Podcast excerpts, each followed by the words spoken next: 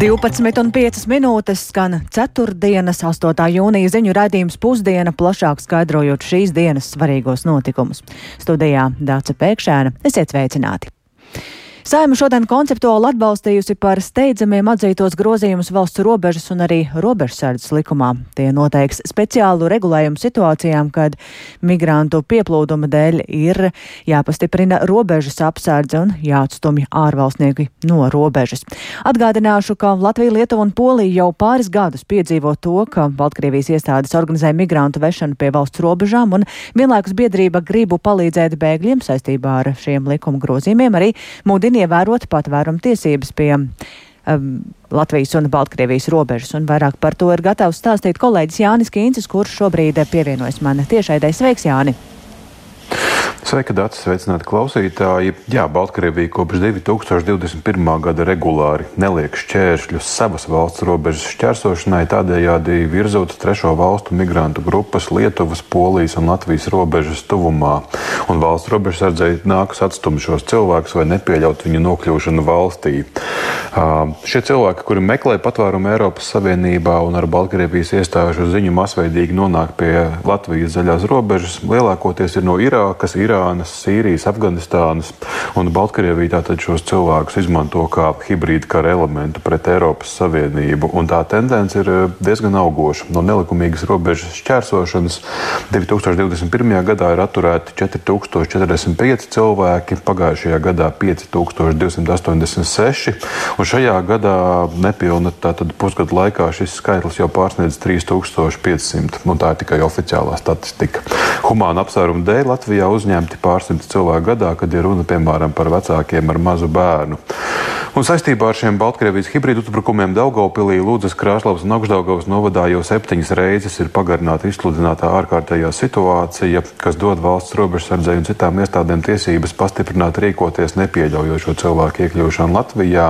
Pašlaik šī ārkārtējā situācija ir spēkā līdz 11. augustam. Savukārt valdības virzītie un saimā šodien pirmajā lasījumā atbalstītie likuma grozījumi paredz iespējas valdībai ātri reaģēt un iedarbināt papildu pasākumus migrantu kārtējo uzplūdu gadījumos. Lūk, Saimnes aizsardzības iekšlietu un korupcijas novēršanas komisijas vadītāja Raimonda Bergmaņa teiktais.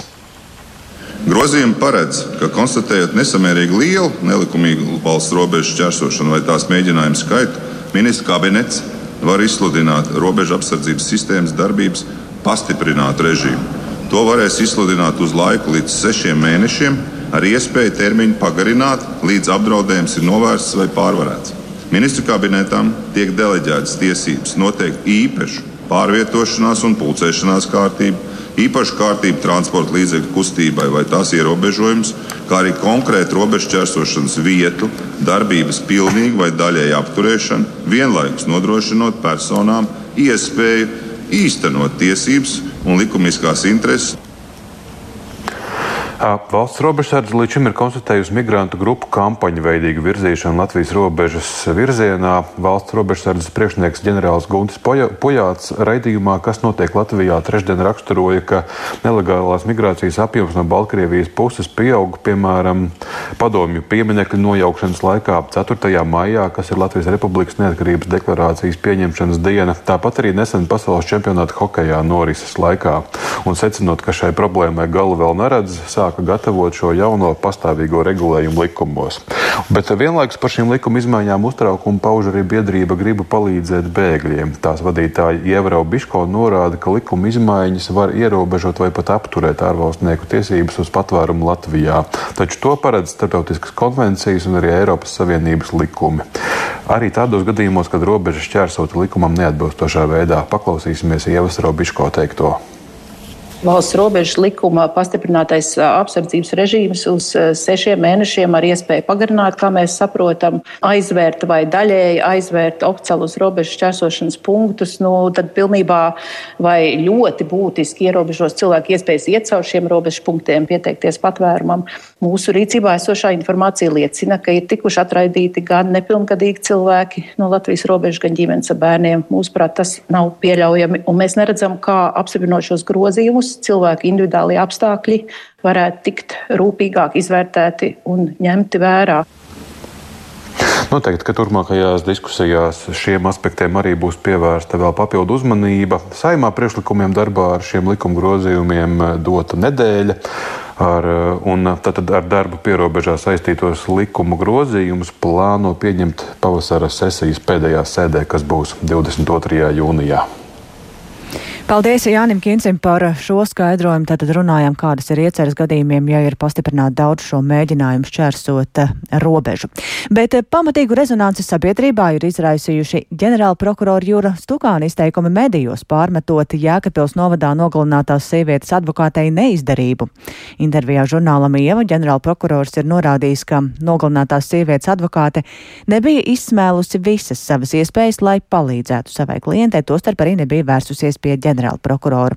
Un eh, reaģējot uz šiem izteikumiem, tad Latvijas zvērināta advokāta padoma jau ir paziņojusi, ka vērsīsies tieslietu padomē un aicinās pārbaudīt viņa izteiktos pārmetumus. Un šo tēmatu plašāk ir šķetinājusi kolēģi Sinti Jambote, kura šobrīd pievienojas raidījumam. Sveika, Sinti!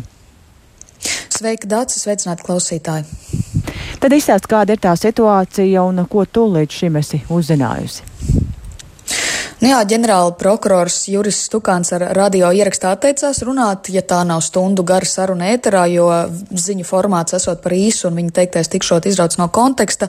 Vienlaikus viņš teica, ka viss, kas teikts šajā žurnāla ieva intervijā, ir tā, kā viņš patiešām uzskata, proti, ka viņš pats nav lasījis vēl tobrīd dzīvās sievietes vēstuli, kurā viņa lūgusi ģenerāla prokurora palīdzību. Viņš saka, ka ik gadu Latvijā prokuratūrā nonāk tūkstošiem lietu un daudzi cilvēki kaut ko rakstot arī ģenerālprokuroram, un viņam visām vēstulēm nevar atrasties laiks. Un te viņa citāts no intervijas eh, sievietes advokāta rīkojās ļoti nekorekti, sacīdama, ka ģenerālprokurors nereaģēja. Eh, viņa prāti, ja pēc vēstules nosūtīšanas viņš nereaģēja, tad tas bija jādara uztaigāk un vairāk kārt tieši upura advokātei, jo advokātiem tikšanos, lai izrunātu kādu lietu, stukāns neatsakot nekad.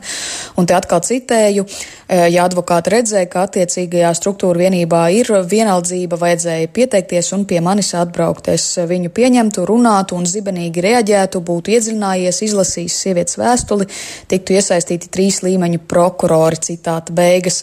Jākapilī nogalinātās sievietes advokāte Anna Nore burtiski nu pat pirms ētera man atzvanīja un komentēs situāciju mazliet vēlāk, bet arī viņa pārsteigta par šiem pārmetumiem, jo uh, cietusī bija kopā ar juristi sagatavojis un nosūtījis prokuratūrai iesniegumu.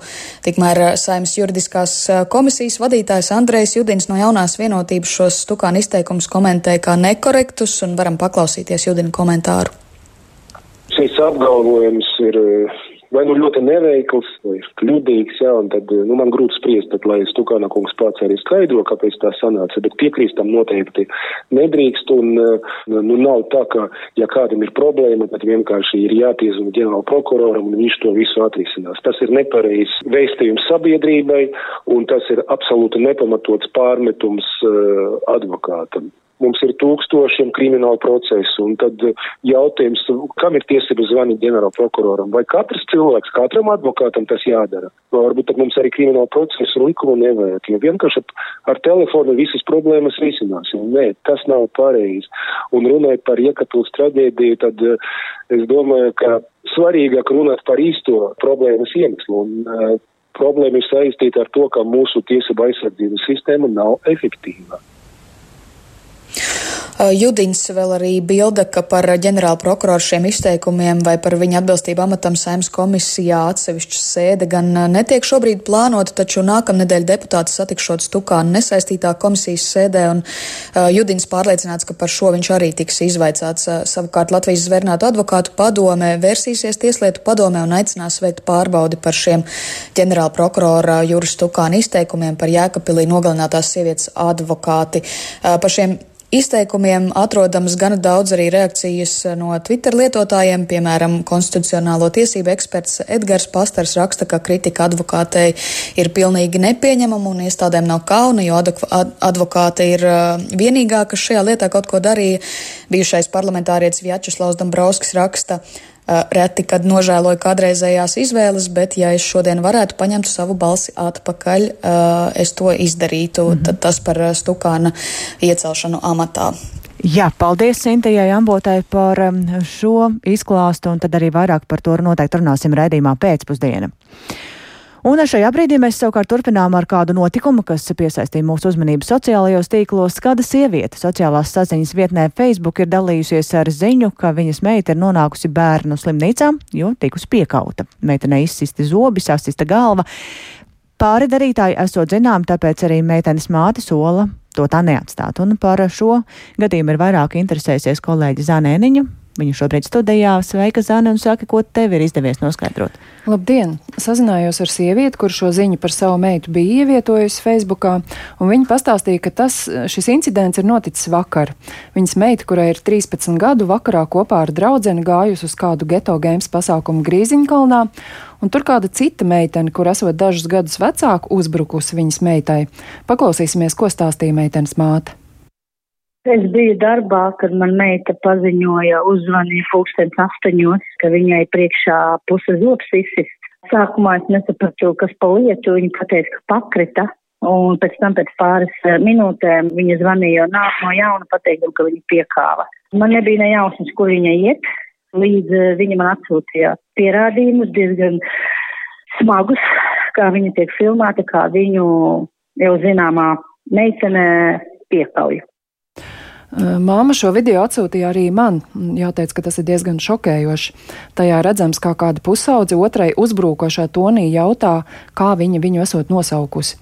Un pēc tam, kad um, otra meitene atbild, lielākā meitene viņai iesit pa galvu.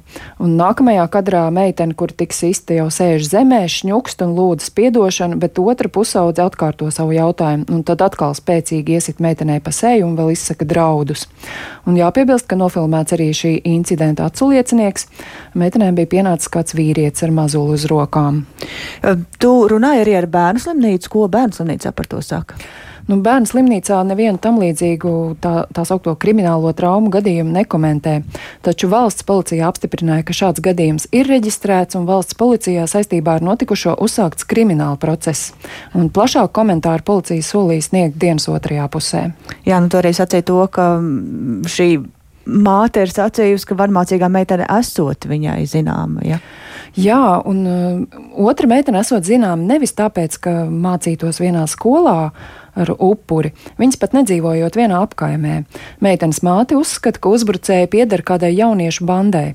Pēc viņas teiktā tā esot origo apkaimes, tas esot origo apkaimes jauniešu grupējums, kas esot saistīts ar imantas bandu, kas māja sākumā uzbruka bērniem šajā rajonā. Un tad līdz ar to jautājums, kāpēc tieši šī meitene ir izraudzīta par upuri?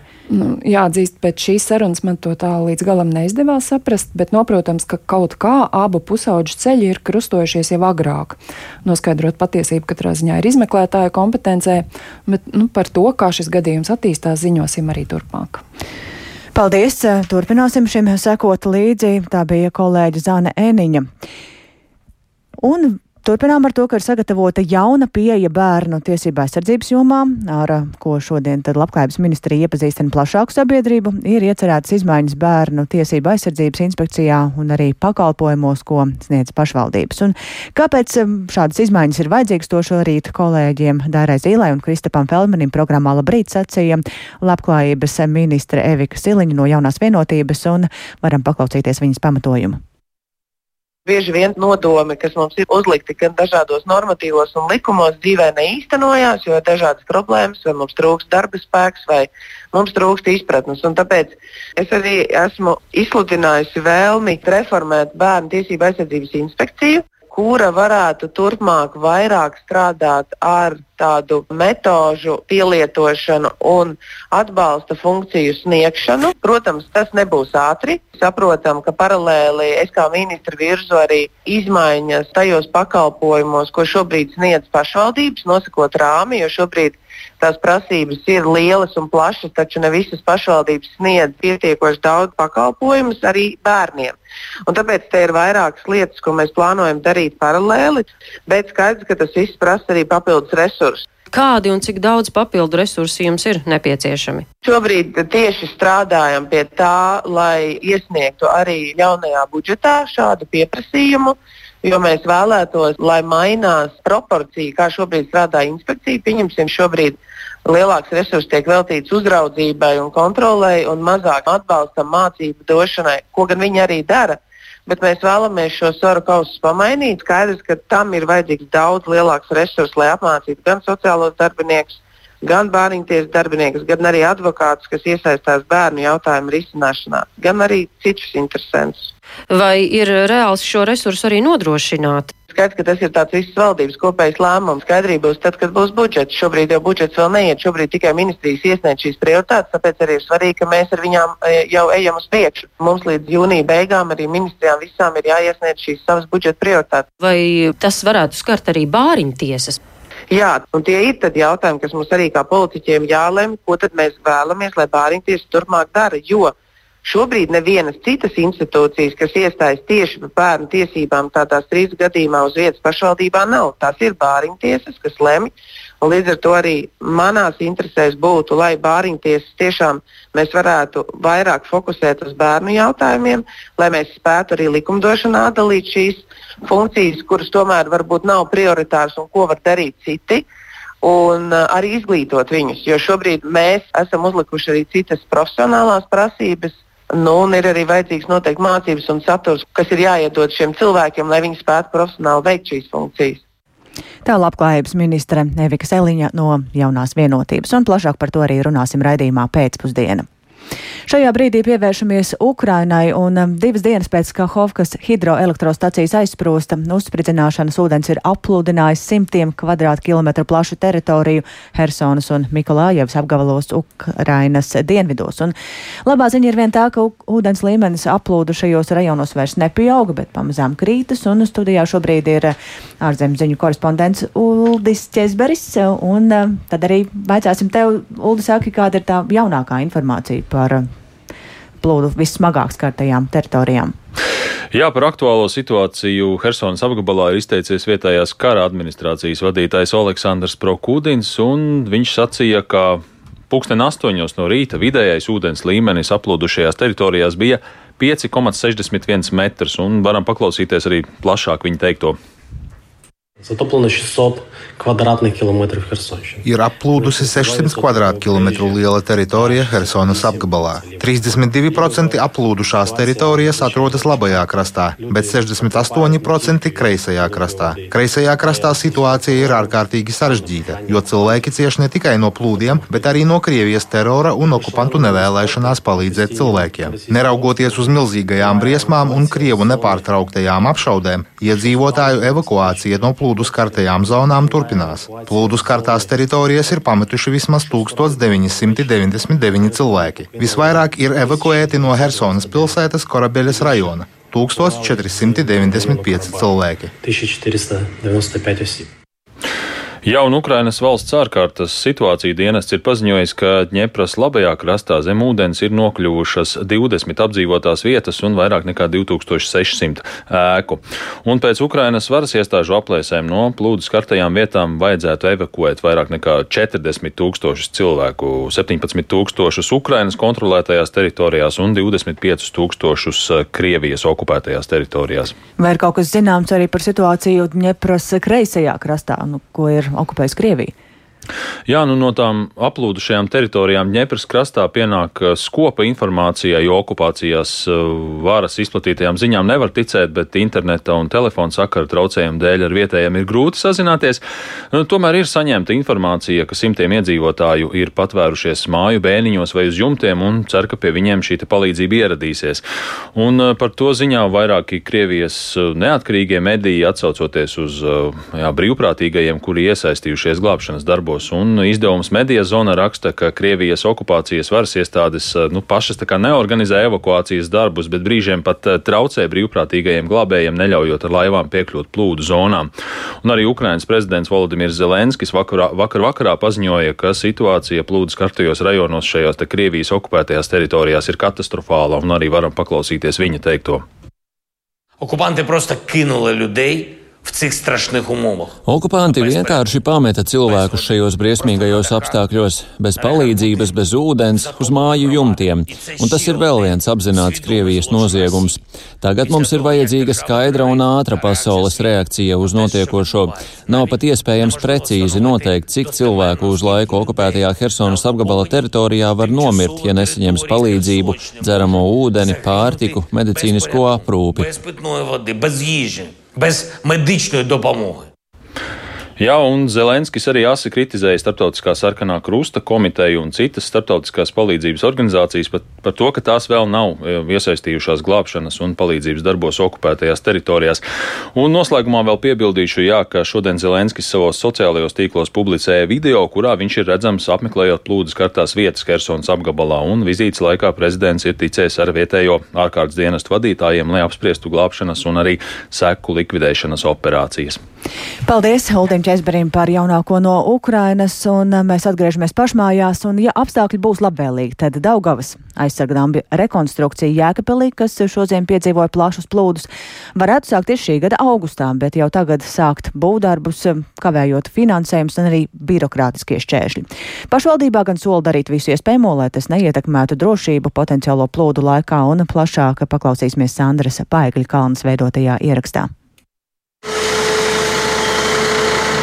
Nesen Jākapalī no Daugavas aizsargdambja tika noņemti smilšu maisi un zeme, kas tur tika savesta janvāra plūdu laikā.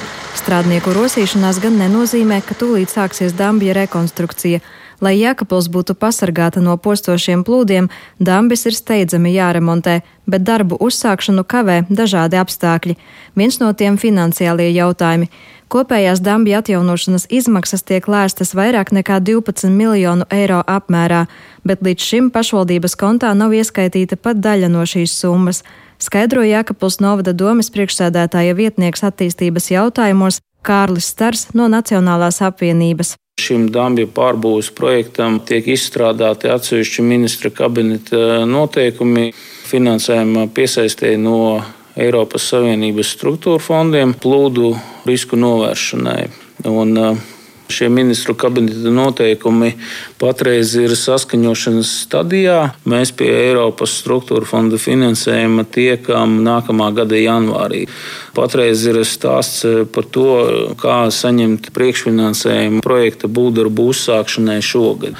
Un Finanšu ministrija ir solījusi, ka dos mums iespēju priekšfinansējumu saņemt no aizņemoties valsts kasē. Finanšu ministrijā apliecina, ka vietvarai tiešām ir iespēja aizņemties līdzekļus būvdarbu uzsākšanai jau šogad, tikai tam nepieciešams domes deputātu balsojums, skaidro Finanšu ministrijas komunikācijas departamenta direktors Aleksis Jarockis. Jākapils novads var saņemt ilgtermiņa aizņēmumu, izmantojot savu prioritāru aizņēmuma kvotu 1,5 miljonu eiro apmērā. Vai pieprasīt īstermiņa aizņēmumu budžeta un finanšu vadībai tādā apmērā, kas nepieciešams, lai nodrošinātu finanšu resursus uh, līdz Eiropas Savienības fonda finansējuma saņemšanai. Pēc Eiropas Savienības fonda avansa saņemšanas pašvaldībā var dzēst šo īstermiņa aizņēmumu. Bet, protams, pirmais solis, ka doma pieņem lēmumu, jā, mēs dodamies ar lēmumu uz valsts kasi, saņemt finansējumu dambi pārbūvēja. Pašvaldība šobrīd secīgi pilda visus uzdevumus, kas jāveic, lai varētu sākties būvdarbi. Viens no procesiem - būvprojekta izstrāde atpaliek no sākotnēji plānotā termiņa par aptuveni divām nedēļām, jo bija radušies tehniski sarežģījumi. Tāpat nācās pārprojektēt dažas nianses, jo ar diviem blakus esošo zemju īpašniekiem neizdevās panākt saskaņojumu par būvdarbu veikšanu viņu teritorijā. Šobrīd projektēšana tuvāko dienu laikā būs pabeigta, un pašvaldībā pauž cerību, ka izdosies projektu saskaņot ar atbildīgajām valsts institūcijām līdz jūnija beigām. Tomēr jāņem vērā, ka vēl jāveic būvdarbu iepirkums. Sākotnēji no valsts puses tika saņemti solījumi likvidēt birokrātiskos šķēršus, tomēr iepirkuma procedūrai būs tādi paši noteikumi kā citiem projektiem.